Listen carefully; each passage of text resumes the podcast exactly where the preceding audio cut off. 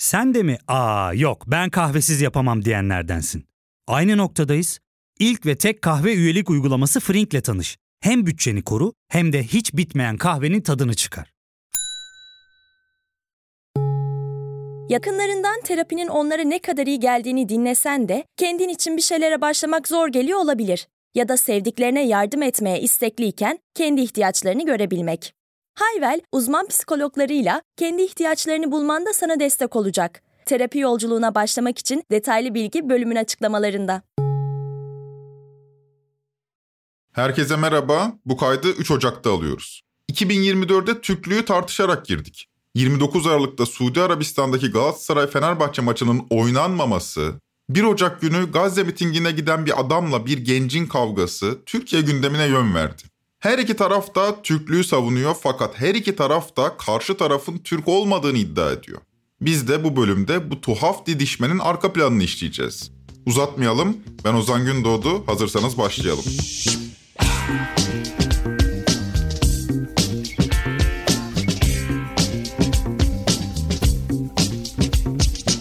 29 Aralık'ta Suudi Arabistan'da yaşanan ve Galatasaray ile Fenerbahçe maçının iptal olmasına neden olan olaylar zinciri Simon Cooper'in futbol asla sadece futbol değildir sözünü yeniden hatırlattı.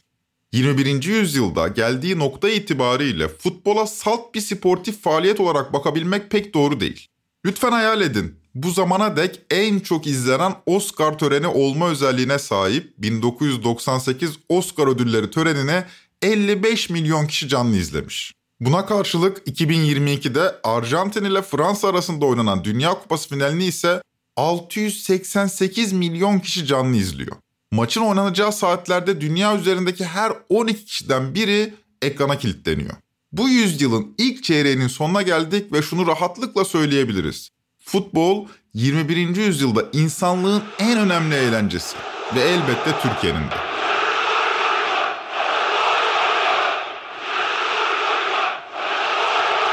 Şu ana kadar hata yapmayan tek taraf Kara Kartal'a gönül veren taraftar. Evet taraftar zaten müthiş yani. Beşiktaş taraftarı müthiş. Her ülkenin geleneksel oyunları var. Misal bizde okçuluk, yağlı güreş, cirit atma gibi atasporları var.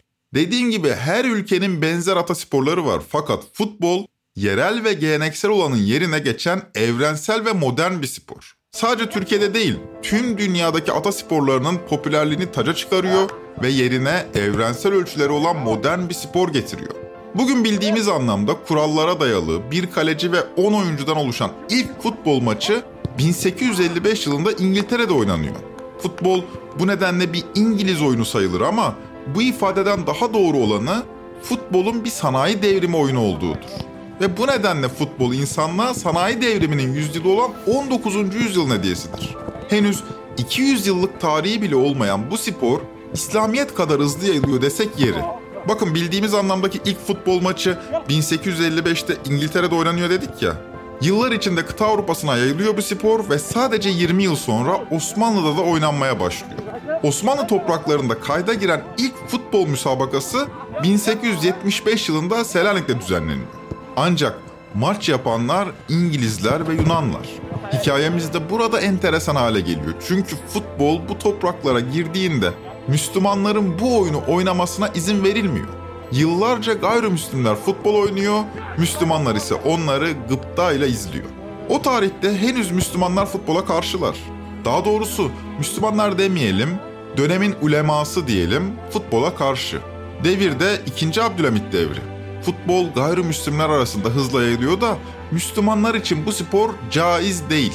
Kerbela'da Hazreti Hüseyin'in kesilen başını Muaviye'nin askerleri top diye oynadı hurafesinden yola çıkarak haram dairesine giriyor futbol oynamak.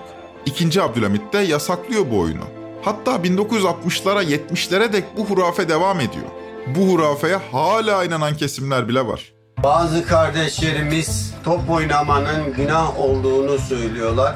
Muhammed Mustafa sallallahu aleyhi ve sellemin torunu olan Hazreti Hüseyin'in kafasını kesip onunla top oynadıklarından dolayı ve bundan dolayı topun futbolun ortaya çıktığını söylüyorlar. Bu doğru mudur? Futbol bizim topraklarımıza gayrimüslimler tarafından getirildiği için İslami kesimler uzun süre bu spora soğuk yaklaşıyor. Gavur adetidir deniyor. Müslümanlar futbol oynayamazken gayrimüslimler takımlar kuruyor, ligler düzenlemeye başlıyor. Mesela ta 1894'te İzmir'de Rumlar Futbol Club Simirna adıyla bir takım kurmuş. Mesela 1903'te Konstantinopoli Futbol Lig oluşturulmuş. Ama dediğim gibi Müslümanlara futbol haram. İzlemek serbest ama oynamak yasak. Fakat oyun da güzel oyun yani insanın içi gider değil mi? Dur bir de ben deneyeyim şu işi dersiniz yani. İşte bizim topraklarımızda bu futbol işini gözü kesen ilk kişinin adı Fuat Hüsnü Bey. Soyadı devriminden sonraki adıyla Fuat Hüsnü Kayacan. Fuat Hüsnü Bey henüz 20'li yaşlarının başlarındayken Kadıköy'de futbol oynayan İngilizleri gıpta ile izler. Kendisi takım kurup maç yapmak arzusundadır ama Müslümanların takım kurması bir siyasi faaliyet olarak değerlendirildiğinden tehlikeli bir iştir. Kimse devletle başını derde sokmak istemez. Böylece Fuat Hüsnü Bey İngilizlerden eski bir futbol topu edinip kendi kendine oynamaya başlar. Bir gün Fuat Hüsnü Bey Kadıköy'de papazın çayırında duvara top atıp dururken arkadaşı Reşat Danyal Bey kendisini görür. Futbola meftun bu iki arkadaş o gün bir takım kurmaya karar verirler. Dönemin iktidarına yakın bürokratların çocuklarına teklif götürürler ki başları belaya girmesin. Böylece 1901 yılının başında Türkiye'nin ilk Türk futbol takımı kurulmuş olur. Takımın adı ne biliyor musunuz? Black Stockings.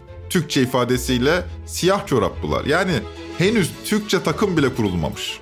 Takımı kurduk ama futbol namına bir şey bilen yok. Oyunun kurallarını dahi tam idrak edebilen bulunmuyor. İşte bir kale var topu oraya sokacağız. Temel derdimiz bu yani. Bırakın sahayı ama topları bile yok.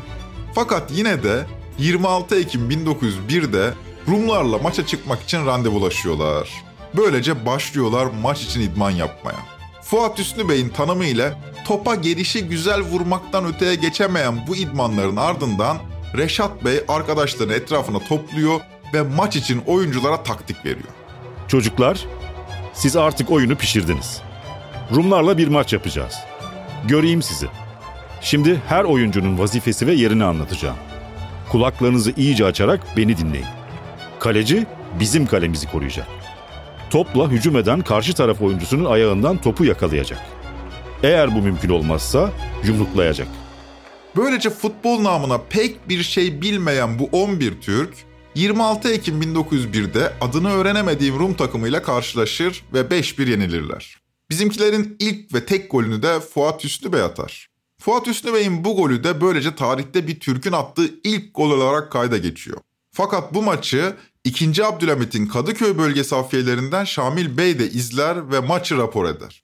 Ve ne olur biliyor musunuz? Hariciye nezaretinde memur olan Reşat Bey Tahran'a sürülür. Bahriye öğrencisi olan Fuat Üstü Bey de askeri mahkemede yargılanır. Hafiye Şamil'i mahkemeye gönderdiği jurnal notunda şunlar yazar. Karşılıklı kaleler kurup Rumlarla aynı kıyafeti labis olduğu halde top endahtı ile talim icra etmekte olduklarından Fuat Üstü Bey'e ceza verilmez ama Black Stocking kulübü kapanmak zorunda kalır. Daha fazla bilgi edinmek isteyen dinleyicilerimiz Mehmet Ali Gökaçlı'nın iletişim yayınlarından çıkan Bizim İçin Oyna kitabını okuyabilirler. Şimdi ne alaka diyebilirsiniz. Bunca şeyi niye anlattın bize diye sorabilirsiniz. Şunun için anlattım. Bu topraklarda geleneksel olanla modern olan her zaman çatışma halinde olmuştu. Geleneksel olan köy ile modern olan kent çatıştı. Geleneksel olan tarım ile modern olan sanayi çatıştı. Geleneksel olan tımarlı sipahilerle modern olan harbiye çatıştı. Futbol ile güreş çatıştı. Osmanlı Türk modernleşmesi geleneksel olan ile modern olanın çatışmasından filizlenecekti. Futbol ise geleneksel değil, modern bir spordu. 19. yüzyılın insanlığı armağanıydı. Mutassıp çevrelerin uzak durduğu bu spora sahip çıkanlar da modernleşme yanlısı kesimler olmuştu. Şunu söylemek yanlış değildir. Futbol bizim topraklarımıza aslında bir tür Jön Türk sporu olarak girmiştir. Jön Türk spordur futbol. Nitekim Türk ifadesi de moderndir. İşte netameli soru bu. Türk kimdir? Bundan 120-130 yıl önce, henüz futbol Türkiye'ye girmeden önce, Türk ifadesi bugünkünden bambaşka duygularla yüklüdür. Profesör Doktor Besim Dellaloğlu Flu TV'de Niyazi Berkes'in anılarından öğretici bir kıssa anlatmış. Üç tane Osmanlı aydını meşrutiyet dönemi yani 110 yıl önce 20. yüzyılın başında Paris'e gidiyorlar. Bibliotek Nasyonel'e giriş yapıp kart yapıp içeride çalışma izni alacaklar. Bir tane kağıt veriyor oradaki yetkili. Bunu diyor dolduracaksınız işte. Orada isim soyad falan. Nasyonalite var. Dolduruyorlar işte kağıtları veriyorlar. Müslüman yazmışlar. Müslüman. Oradaki memur bakıyor. Din diye ayrı bir şey yok. Yok yok. Bu, bu yanlış yazmışsınız diyor. Yeni kağıtlar veriyor. Bunlar tekrar dolduracaklar. Bu sefer Otoman yazıyorlar. Yani Osmanlı. Aslında bir nasyonalite değil o. Evet. Şimdi bakın Fransız orta kademe memurunun buna reaksiyonunu size anlatayım. O sizi yöneten ailenin soyadı diyor. Yani hanedan o diyor. Sizin sizi yöneten hanedan diyor. O siz değilsiniz diyor. Bunu pisliğine yapıyor da olabilir O mi? da olabilir, olabilir tabii. Fransız Fransız, sonuçta. ben size yardımcı olayım diyor. Siz nereden geliyorsunuz efendim diyor. Biz diyor İstanbul'dan geliyoruz. Ya söylesenize diyor. Bak diyor burada İstanbul'dan gelen diyor. Şurada Ermeniler var diyor. Şurada Rumlar var diyor. Siz diyor Ermeni misiniz diyor. Rum musunuz ne? Yok biz Türk'üz diyorlar. E tamam diyor siz onu yazın diyor. Türk de tıpkı futbol gibi modern bir kavramdır. Hatta o kadar ki Türk ifadesi 19. yüzyılı bile ıskalar. 20. yüzyılın başında zihnimizde yer edinir. Yani bugün bildiğimiz anlamıyla Türklük bilincinin tarihi 150 yıldan daha kısadır. Bu haliyle Müslümanlık geleneksel olanı, Türklük ise modern olanı temsil eder. Müslümana futbol caiz değildir ama Türk'ün amacı Türk olmayan takımları yenmektir. Nitekim Galatasaray Sultanisi'nden Ali Sami Bey 1905'te bir futbol kulübü kurmak için girişimde bulunduğunda muradını şöyle açıklar. Maksadımız İngilizler gibi toplu bir halde oynamak, bir renge ve bir isme malik olmak ve Türk olmayan takımları yenmektir. İşte bizdeki gibi modern politik bir hareketi tarihinde barındırmayan, yani Jön Türkler gibi bir hareketi tarihinde barındırmayan ulusların futbolla tanışması da çok sonra oldu. Alın işte Suudi Arabistan'ın durumu ortada. Bir futbol ülkesi olabilmek için oluk oluk para akıtıyorlar ama nafile. O yüzden biz böyle bir tarihe sahip olduğumuz için biraz da yüksek egoluyuz. Arabistan'a niye gidiyoruz ki diyoruz. Biz Türk'üz diyoruz, Arap değiliz diyoruz. Bir gurur da var bu işin içinde. Çünkü onlar geleneksel olanı temsil ediyorlar. Biz Türkler moderniz, modern olanı temsil ediyoruz. Fakat işte burada çatışma meydana geliyor. Türk ifadesinin modern bir kavram olduğunu söyledik. Elbette yüzyıllardır Türk kavramı var ama Türk kavramının bugünkü duygusuna erişebildiği tarih 20. yüzyılın başına denk gelir. Dolayısıyla Türk ifadesi geleneksel değil, modern bir bilinçle kavranır. Bu bilincin ete kemiğe bürünmesi için de Türk'ün bir ulus devletin vatandaşı olması, yani cumhuriyetin kurulması gerekecektir. Cumhuriyet, modern olanın geleneksel olana karşı en büyük zaferidir.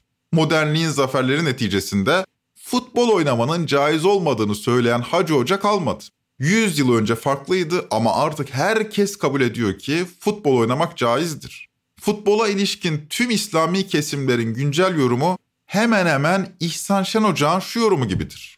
Fakat Müslüman futbol oynarken eğer Allah rızasına niyet ederse güçlü bir bedenim olsun, yarın İslam muhafaza edeyim, müdafaa edeyim. Buna niyet ederek futbol oynarsa bu adam ecir sahibi olur. Bu adam sevap kazanır. Fakat niyet bu olacak. Yani bu bedenle ben İslam'ı, imanı muhafaza, müdafaa edeyim diye. Burada şuna riayet edecek.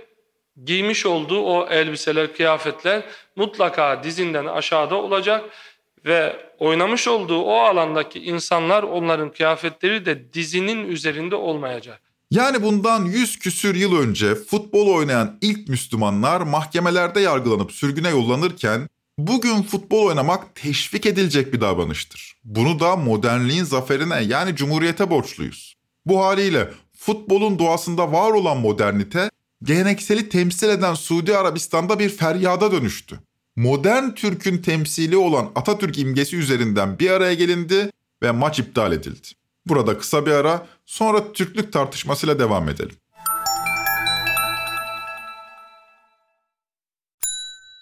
Ya fark ettin mi? Biz en çok kahveye para harcıyoruz. Yok abi, bundan sonra günde bir. Aa, sen Frink kullanmıyor musun? Nasıl yani? Yani kahvenden kısmına gerek yok. Frink'e üye olursan aylık sadece 1200 TL'ye istediğin çeşit kahveyi istediğin kadar içebilirsin. Günlük 40 TL'ye sınırsız kahve mi yani? Çok iyiymiş. Aynen. Hatta şu anda 200 TL'lik bir indirim kodu da var. E hadi hemen indirip üye ol da bu fırsatı kaçırma. Terapiye başlamak, içinden çıkamadığın döngüleri kırmak, bazı yanlış bulduğun kararlarını değiştirmek ve kendinle beraber daha huzurlu bir yaşam inşa etmek için atabileceğin en değerli adımlardan biri. Hayvel ile yoğun yaşam tempona uyum sağlayarak online terapi seanslarını takvimine göre ayarlayabilirsin. Bini aşkın uzmandan sana en uygun terapisti seçebilir, podb10 koduyla indirimden yararlanabilirsin. Detaylı bilgi açıklamalardaki bağlantıda. Dedik ki Türklük modern bir kavramdır. Dolayısıyla Türklük şuuru modern bir bilinçle kavranabilir. Modern bir kavramsa akılla kavranmak zorundadır Türklük. O halde Türk'ün bir tanımı da gerekir. Müslüman öyle değil. Sonradan Müslüman olunur. Kelimeye şehadet getirene Müslüman derler. İsteyen Müslümanlıktan da çıkabilir. Fakat Türklük varoluşsal bir meseledir. Doğuştan Türk olunur ve Türklükten de çıkılamaz. O halde kime Türk denir? İşte bu soru Osmanlı Türk modernleşmesinin de üzerine kafa patlattığı temel soru olacaktır. Türk kime denir? Fransızın böyle bir derdi yok. Fransa'da yaşayan ve Fransızca konuşan herkes Fransızdır. Zaten Fransa'da yaşayan herkes Fransızca konuşmaktadır.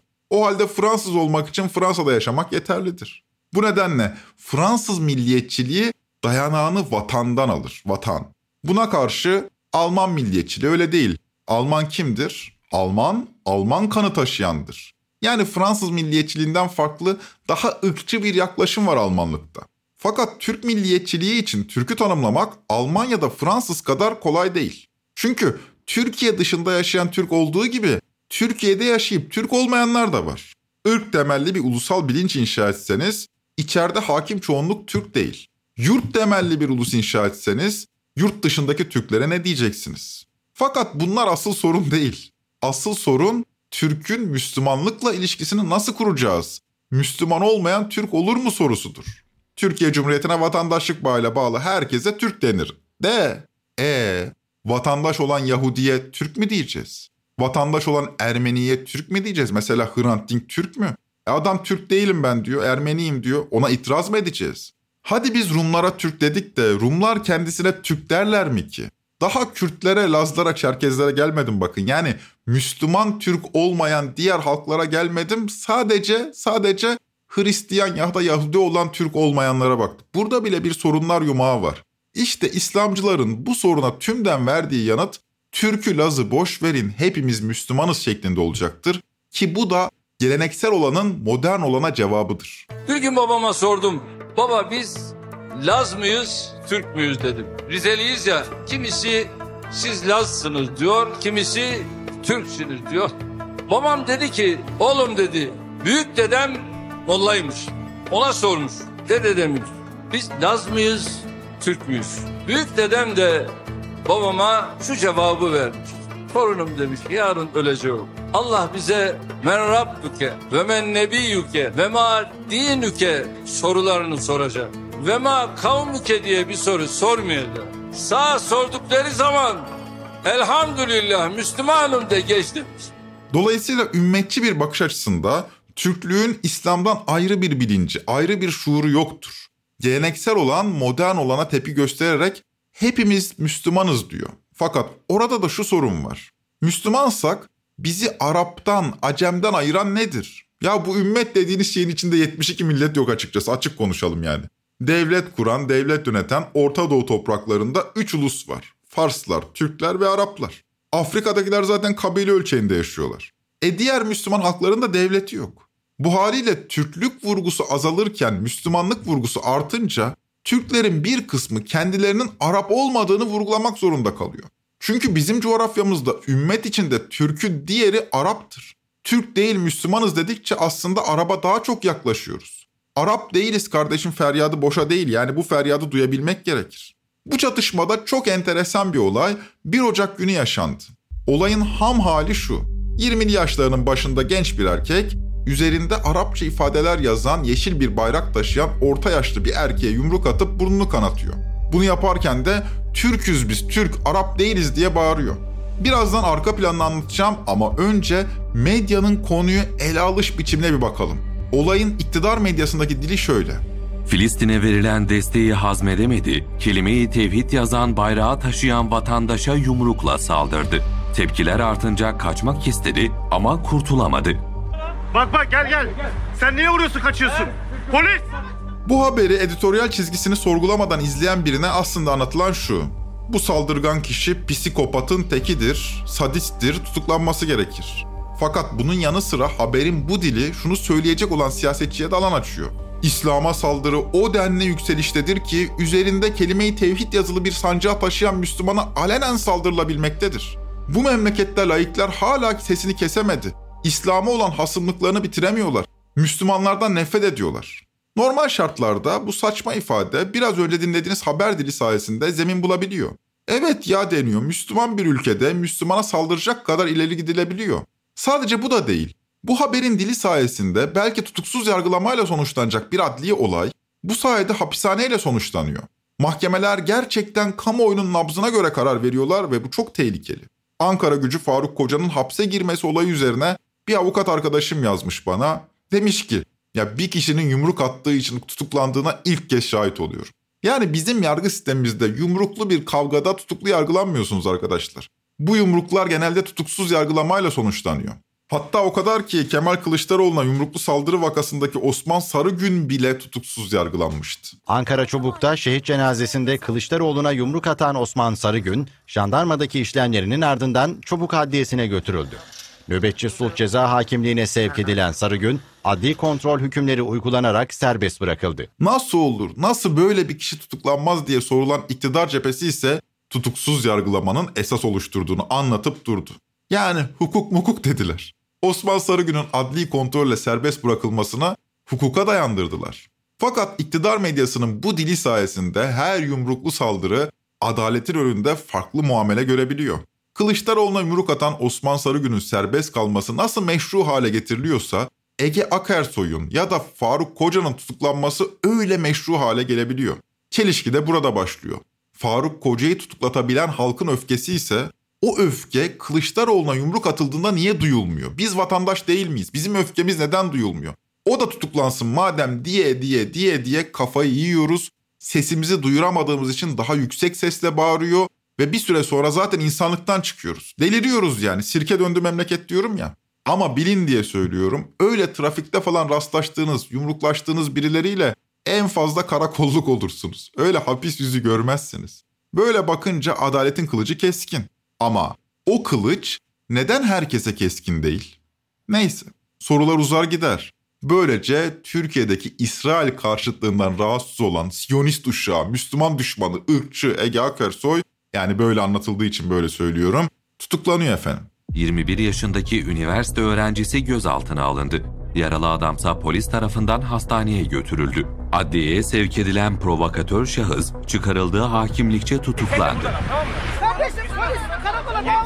Ege Akersoy tutuklanıyor ve Müslümanlar rahatlıyor. Oh diyorlar. Oh Ege Akersoy tutuklandı. Neyse her şey normal.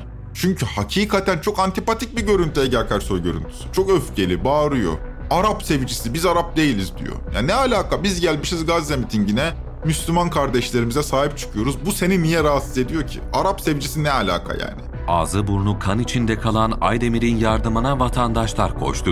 E, tam arkamı döndüm adama yumruk attı. E, hazmedemiyorlar. Bayrağı açtı diye kelime-i tevhid bayrağına Arap sevinciler sevincisi mi demiş? Dedim ya iki taraf birbirinin ne dediğinden haberdar değil. Şimdi bir cephe olayı böyle algılıyor. Bu durumda bu psikopat gencin tutuklanması gayet normal. Fakat diğer cephede de normal olmayan bir haller var. Mesela Mustafa Sandal şöyle yazmış Twitter'da. Hilafet bayrağı açmak ciddi bir suç. Anayasal düzene karşı çıkan o vatandaş neden gözaltında değil? Üstelik polisin yanında bir kez daha açmış o bez parçasını. Bir başka olay Fatih Altaylı. Olay sosyal medyada viral olunca Altaylı Twitter'dan eline sağlık yazıyor. Böylece Fatih Altaylı da trend topik oluyor. Öğrendik ki suçu ve suçluyu övmek suçundan ifadeye çağrılmış Altaylı. Bu nasıl olabiliyor? Bir memleket aynı olayı nasıl farklı algılayabiliyor? Aynı görüntüye bakıp nasıl oluyor da toplumumuzun bir kısmı yumruklu bir saldırgan görürken bir kısmı hilafet bayrağı açmış bir mürteciyi görüyor. Bu noktada Ege Akersoy ve saldırıya uğrayan kişinin diyaloğuna bir kulak verelim. Bu diyalog Türk kimdir sorusunun önemini tekrar hatırlatacak cinsten. Ben Müslümanım Türk'üm gerizekalı. Sen tek mi Türksün lan gerizekalı? Ben de Müslümanım. Lan Müslümansan niye vuruyorsun? Nasıl Müslüman? Lan gerizekalı Türk'üz. Lan Türkler Müslüman değil. Türk Ege Akersoy diyor ki Türküz biz. Karşısındaki kişi de diyor ki ee ben de Türk'üm. Fakat her iki taraf da kendilerinin Türk olduğunu ama karşılarındakinin Türk olmadığını söylüyor. Saldırıya uğrayan adam diyor ki Türk zaten Müslümandır, diniyle vardır. Bize yıllardır anlatılan bu. Ya ben bize yıllardır anlatılana mı inanacağım, karşımdaki şu genç delikanlıya mı inanacağım? Müslümanlığa sahip çıkmak demek Türklüğe sahip çıkmak demektir ya. Biz bu ikisini birbirinden ayrı göremiyoruz ki. Tarihte Türk dediğin İslam'la sahneye çıkmıştır. Bu vaziyeti en şiirsel haliyle şair İsmet Özel anlatıyor. Tabii şair olduğu için işin içine ruh da katıyor. Türk'ün İslam'la bütünleşmesini şöyle ifade ediyor. Kafirle çatışmayı göze alan Müslümana Türk denir. Türk olmanın başka bir şartı ya da belirtisi yoktur. Yani Türk dediğimiz insan tarih sahnesine Müslüman olarak çıkmıştır ve Allah'ın kılıcı olarak çıkmıştır. Anlaşamamamızın nedeni Türk'ün tanımında yaşadığımız çatışma. İsmet Özel aslında Türk sağının yıllardır söyleye geldiği bir şey hikayeleştiriyor. Nedir o? Türk dediğin kişi aynı zamanda Müslümandır. Türk'ün İslam'dan gayrı bir tarihi yoktur. Türk, İslam'la nurlandıktan sonra tarihte anlam kazanmıştır. İslam'dan ayrı bir Türk davası da yoktur. Zaten Türk davası değil, Türk-İslam davası demek doğrudur. E bu hep böyledi zaten. MHP geleneğinin de sahip çıktığı Türk-İslam bütünleşmesi budur. Türk demek zaten Müslüman demektir. Yer yer mezhebe de vurgu yapılır. Türk dediğin sünnidir falan. Eke Akersoy'un yumruk attığı kişi diyor ki e işte ben Türk'üm ve Müslümanım sorun ne yani? Ege Akersoy da diyor ki Lan gerizekalı biz Türk'üz. Akersoy da biz Türk'üz diyor. Ayda. Her iki tarafta biz Türk'üz diyor ama karşı tarafı Türk olmamakla suçluyor. Ege diyor ki kardeşim biz Arap değiliz. Neden Suudi Arabistan bayrağıyla geziyorsunuz? Zaten hassas dönemdeyiz. Suudlar orada Atatürk resmini kaldırıyor. Sen burada Suud bayrağıyla geziyorsun. Adam da diyor ki sana mı soracağım? O da diyor ki bana soracaksın. Derken olanlar oluyor. Birbirlerinin üzerine yürüyorlar. Ege Akersoy da yumruk atıyor. Olayın basitliği budur aslında. Yani adalet terazisine koysanız tutuklanacak bir şey yok ama bu gündelik basitlikten derin bir tartışma da çıkabiliyor. Akersoy bunu diyor. Biz Türk'üz. Elimizde bu Suud bayrağının ne işi var? Arap mıyız biz? Saldırıya uğrayan şahıs tümüyle şaşkın. Ya asıl Türk benim sen kim oluyorsun diyor. Burası Müslümanım. Getir bana vuruyor. Ulan ben de lan Müslümanım. Türk'üm. Allah sen Allah. ne lan sen? Sen tek Türk'ten misin lan? Tek Türk'ten misin lan? Türk değilsin. Adam gibi Türk olsan böyle yapmazsın. Sen Türklüğümü bozmuşsun lan. Delikanlı mısın sen? Şerefsiz. Şerefsiz. Çok enteresan tartışma değil mi? Ne tuhaf. İki Türk birbirine saldırıyor. Bir taraf diyor ki biz Türk'üz, diğer taraf diyor ki e biz de Türk'üz. E demek ki birinin Türk dediği ile diğerinin Türk dediği aynı Türk değil. İki ayrı Türklük bilinci. Birincisi Türk sağının 50'lerden, 60'lardan, 70'lerden bu yana söylediğine daha yakın. Önce Müslümanız diyor. En büyük hassasiyetleri dini hassasiyetler. Fakat bu hassasiyetler onun için aynı zamanda milliyetçi hassasiyetler. Çünkü Türk dediğinde Müslüman kişidir zaten. Maraş tipi bir Türklük bu. 78 Maraş tipi bir Türklük. Duvara yazılan cinsten. Türklük için savaşa. Türk zaten Müslümandır. Müslüman olmadan Türk de olunmaz tezi Türk sağının anti-komünizm icadı olduğundan bu yana temel tezidir. Buna da Türk-İslam sentezi diyorlar. Mevcut anayasamıza da ruhunu veren ideoloji budur. Türk-İslam sentezi. Fakat belli ki bu temel tez yeni kuşakta biraz sorgulanıyor. Yani basit gibi görünen bu tartışma oldukça enteresan. İki ayrı Türk ve iki ayrı Türklük kavrayışı. Her ikisi de Türklüğünde iddialı. İkisinde de farklı da olsa Türklük şuuru var. Dini hassasiyetinin olması onun Türklüğüyle çelişmez ki. Üstelik o Türk tıpkı tarihteki gibi cihat etmeye devam ediyor. Türk'ün kılıcı geçmişte de İslam için sallanıyordu. Allah'a çok şükür bugün de İslam için sallanıyor. Şehitlerimizi görüyorsunuz. Onları ölüler sanmayınız. Onlar diriler de siz görmezsiniz. Şehit olan askerlerimiz cennette onlara verilenleri gördükten sonra tekrar dünyaya dönmek isterlermiş. Ah! Bir daha şehit olmak için. İşte herkese nasip olmaz şehitlik. Kimileri söylenip duruyor neymiş? Ne biçim bir düzenmiş bu? Neymiş? Hep yoksul gariban insanlar şehit oluyormuş. Hep mi sıvası olmayan evlere asılıyormuş bu Türk bayrakları? O evleri bilmezsiniz siz. İşte seninle benim anlaşamadığım yer burası. Bu evler zengin evleri. Sen zenginliği sadece para zannediyorsun. Evet belki bu evlerin sıvası yok. Belki de bu evlerin duvarları kerpiçten.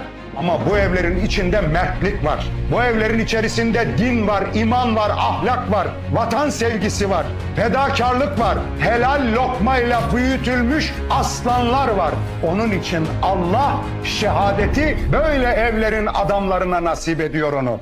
Ne rezil bir anlatı değil mi? O kadar zayıf temelleri var ki kafasını birazcık çalıştıran bu temelleri yıkıp geçer geleneksel olan din ile modern olan ulusu kavramaya çalışınca nasıl da çürüyorsunuz. Çünkü azıcık kafası çalışan bu tezgaha uyanıyor. YouTube'da, Twitch'te yayın yapan bu şekilde anlatılan İslam'ı tartışan kanalları yüz binler izliyor. Mesela bir felsefe ve tarih kanalı olan Diamond Tema'nın videoları milyonlarca kez izleniyor. Atatürk kendi yazdığı Medeni Bilgiler kitabında sayfa 28'de şöyle diyor. Türkler Arapların dinini kabul etmeden evvel de büyük bir milletti. Arapların dinini kabul ettikten sonra bu din ne Arapların ne aynı dinde bulunan Acemlerin ve ne de Mısırlıların vesairenin Türklerle birleşip bir millet teşkil etmelerine hiçbir tesir etmedi. Bilakis Türk milletinin milli rabıtalarını gevşetti, milli hislerini, milli heyecanını uyuşturdu. Bu pek tabiydi. Çünkü Muhammed'in kurduğu dinin gayesi bütün milliyetlerin fevkinde şamil bir Arap milliyeti siyasetine müncar oluyordu bu Arap fikri ümmet kelimesiyle ifade olundu. Muhammed'in dinini kabul edenler kendilerini unutmaya, hayatlarını Allah kelimesinin her yerde yükseltilmesine hasretmeye mecburdular. Bununla beraber Allah'a kendi milli lisanlarında değil, Allah'ın Arap kavmine gönderdiği Arapça kitapla ibadet ve münacatta bulunacaklardı. Arapça öğrenmedikçe Allah'a ne dediğini bilmeyecekti. Yani anlayanı. İnanan dindar Müslümanlar İslam'ı daha felsefi bir yerden kavruyor ve o yere uygun yaşıyorlar dinlerini. Yani halka anlatılan İslam'a inanmak için gerçekten kafanızı hiç çalıştırmamanız lazım. Hali hazırda benim tanıdığım kafası çalışan Müslümanlar halka anlatılan İslam'a değil, daha felsefi bir yerden yaklaşıyorlar İslam'a. Yani benim şahit olduğum bu şekilde en azından. Ama gençlere dayatılan din, benim çocukluğumdan bu yana gördüğüm Müslümanlık gibi değil. Bunlara yakayı kaptırsanız sokağa çıkamıyorsunuz. Sokağa adımını attın günah yazıyor. Yani ne biçim bir din bu? Hal böyle olunca genç nesil bu İslami Türklük tanımına itiraz ediyor. Fakat bu itirazın çok derinlikli olduğu da düşünülmesin. Benim gözlediğim kadarıyla bu seküler Türkçü gençler henüz bir politik hareket olabilmiş değiller. Çünkü bir politik vizyonla hareket etmiyorlar. Küfrediyorlar, sağa sola saldırıyorlar, antipatik olmak gibi hiçbir kaygıları yok. Çok ama çok öfkeliler. Aşırı zorbalar. Yakın tarih hakkında son derece manipülatif kaynakları tarıyorlar. Politik bilinçleri sosyal medya editleriyle oluşuyor. Derinlikli kanaat önderleri yok. Sadece öfkeliler ve öfkeli olmakta da haklılar. Gözlerini 2015 sonrası Türkiye'ye açtılar. Bizlerin anormal saydığı şeyleri onlar normal sayabiliyor. Faşizme ilişkin herhangi bir tedirginlik hissetmiyorlar. Toplumsal çatışmalarda da daha zorba olanı seçme eğilimindeler. Sığınmacı sorunu mu? Hepsini gönderin. Gerekirse zorla. Sokak köpekleri sorunu mu? Hepsini öldürün. Hatta Çin'e satalım da onlar yesin bizim köpekleri. Kürt sorunu mu? Lan ne Kürdü? PKK sorunu o. Çözümü de belli. Esat Oktay Yıldıran ne yaptıysa o. Ben Yüzbaşı Esat Oktay Yıldıran Diyarbakır Askeri Cezaevi İç Güvenlik Amiri Sen Beni iyi dinle bu cezaevinin kuralları var. Bu kurallara uyacaksın. Burası bir cezaevi değil, askeri bir okuldur. Kurallara uyarsan rahat edersin. Öyle komünizmdir, Marksizmdir, sosyalizmdir, Kürtlüktür. Böyle sapkın düşünceleri kafandan söküp atacaksın. Gençlerin İslamcılığa karşı geliştirdiği reaksiyon haksız değil. Haklı ama çıktıkları yolda vardıkları sonuç endişe verici. Günün sonunda Mustafa Muğlalı öven, Esat Oktay Yıldıran öven, bunları rahat rahat överken sol düşmanlığından taviz vermeyen, alenen faşizme meyleden ama İslamcı olmayan yeni bir kuşak. Ve bu kuşağın eylemlerini alkışlamadan önce sorumluluk hissederek lütfen düşünün. Bu gençleri hepimiz birlikte delirttik.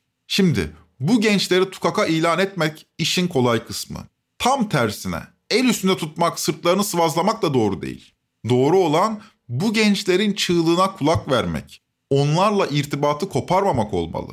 Çünkü bu gençler itirazlarının sonunda vardıkları yer doğru olmasa da itirazlarının çıkış noktası son derece doğru. Aksi halde bu gençlerle demokrat kamuoyunun irtibatı koparsa bu kuşağın iktidarında Erdoğan rejimini mumla ararız. Geleneksel olan yenilmeye mahkum. Futbolda da böyle oldu. Yenilecek zaten İslamcılık. Geleneksel olan o. Modernliğin karşısında yenilmeye mahkum. Dolayısıyla geleneksel İslamcılık iddiasını kaybetti ve modern olana yenildi demek doğrudur. Fakat modern olan seçenekler içinde seçim yapacağız. Modern olan bazı seçenekler var. Bir yerde Esat Oktay Yıldıran o da modern. Mustafa Buğlalı o da modern. Ama bu modern olanlar içinde seçim yaparken insani olanı mı yoksa zorbalığı mı tercih edeceğiz? Önümüzdeki soru artık bu. Trend Topi'yi Podbi Medya ile beraber hazırlıyoruz. Bir sonraki bölüme kadar insani olandan uzaklaşmayın. Hoşçakalın.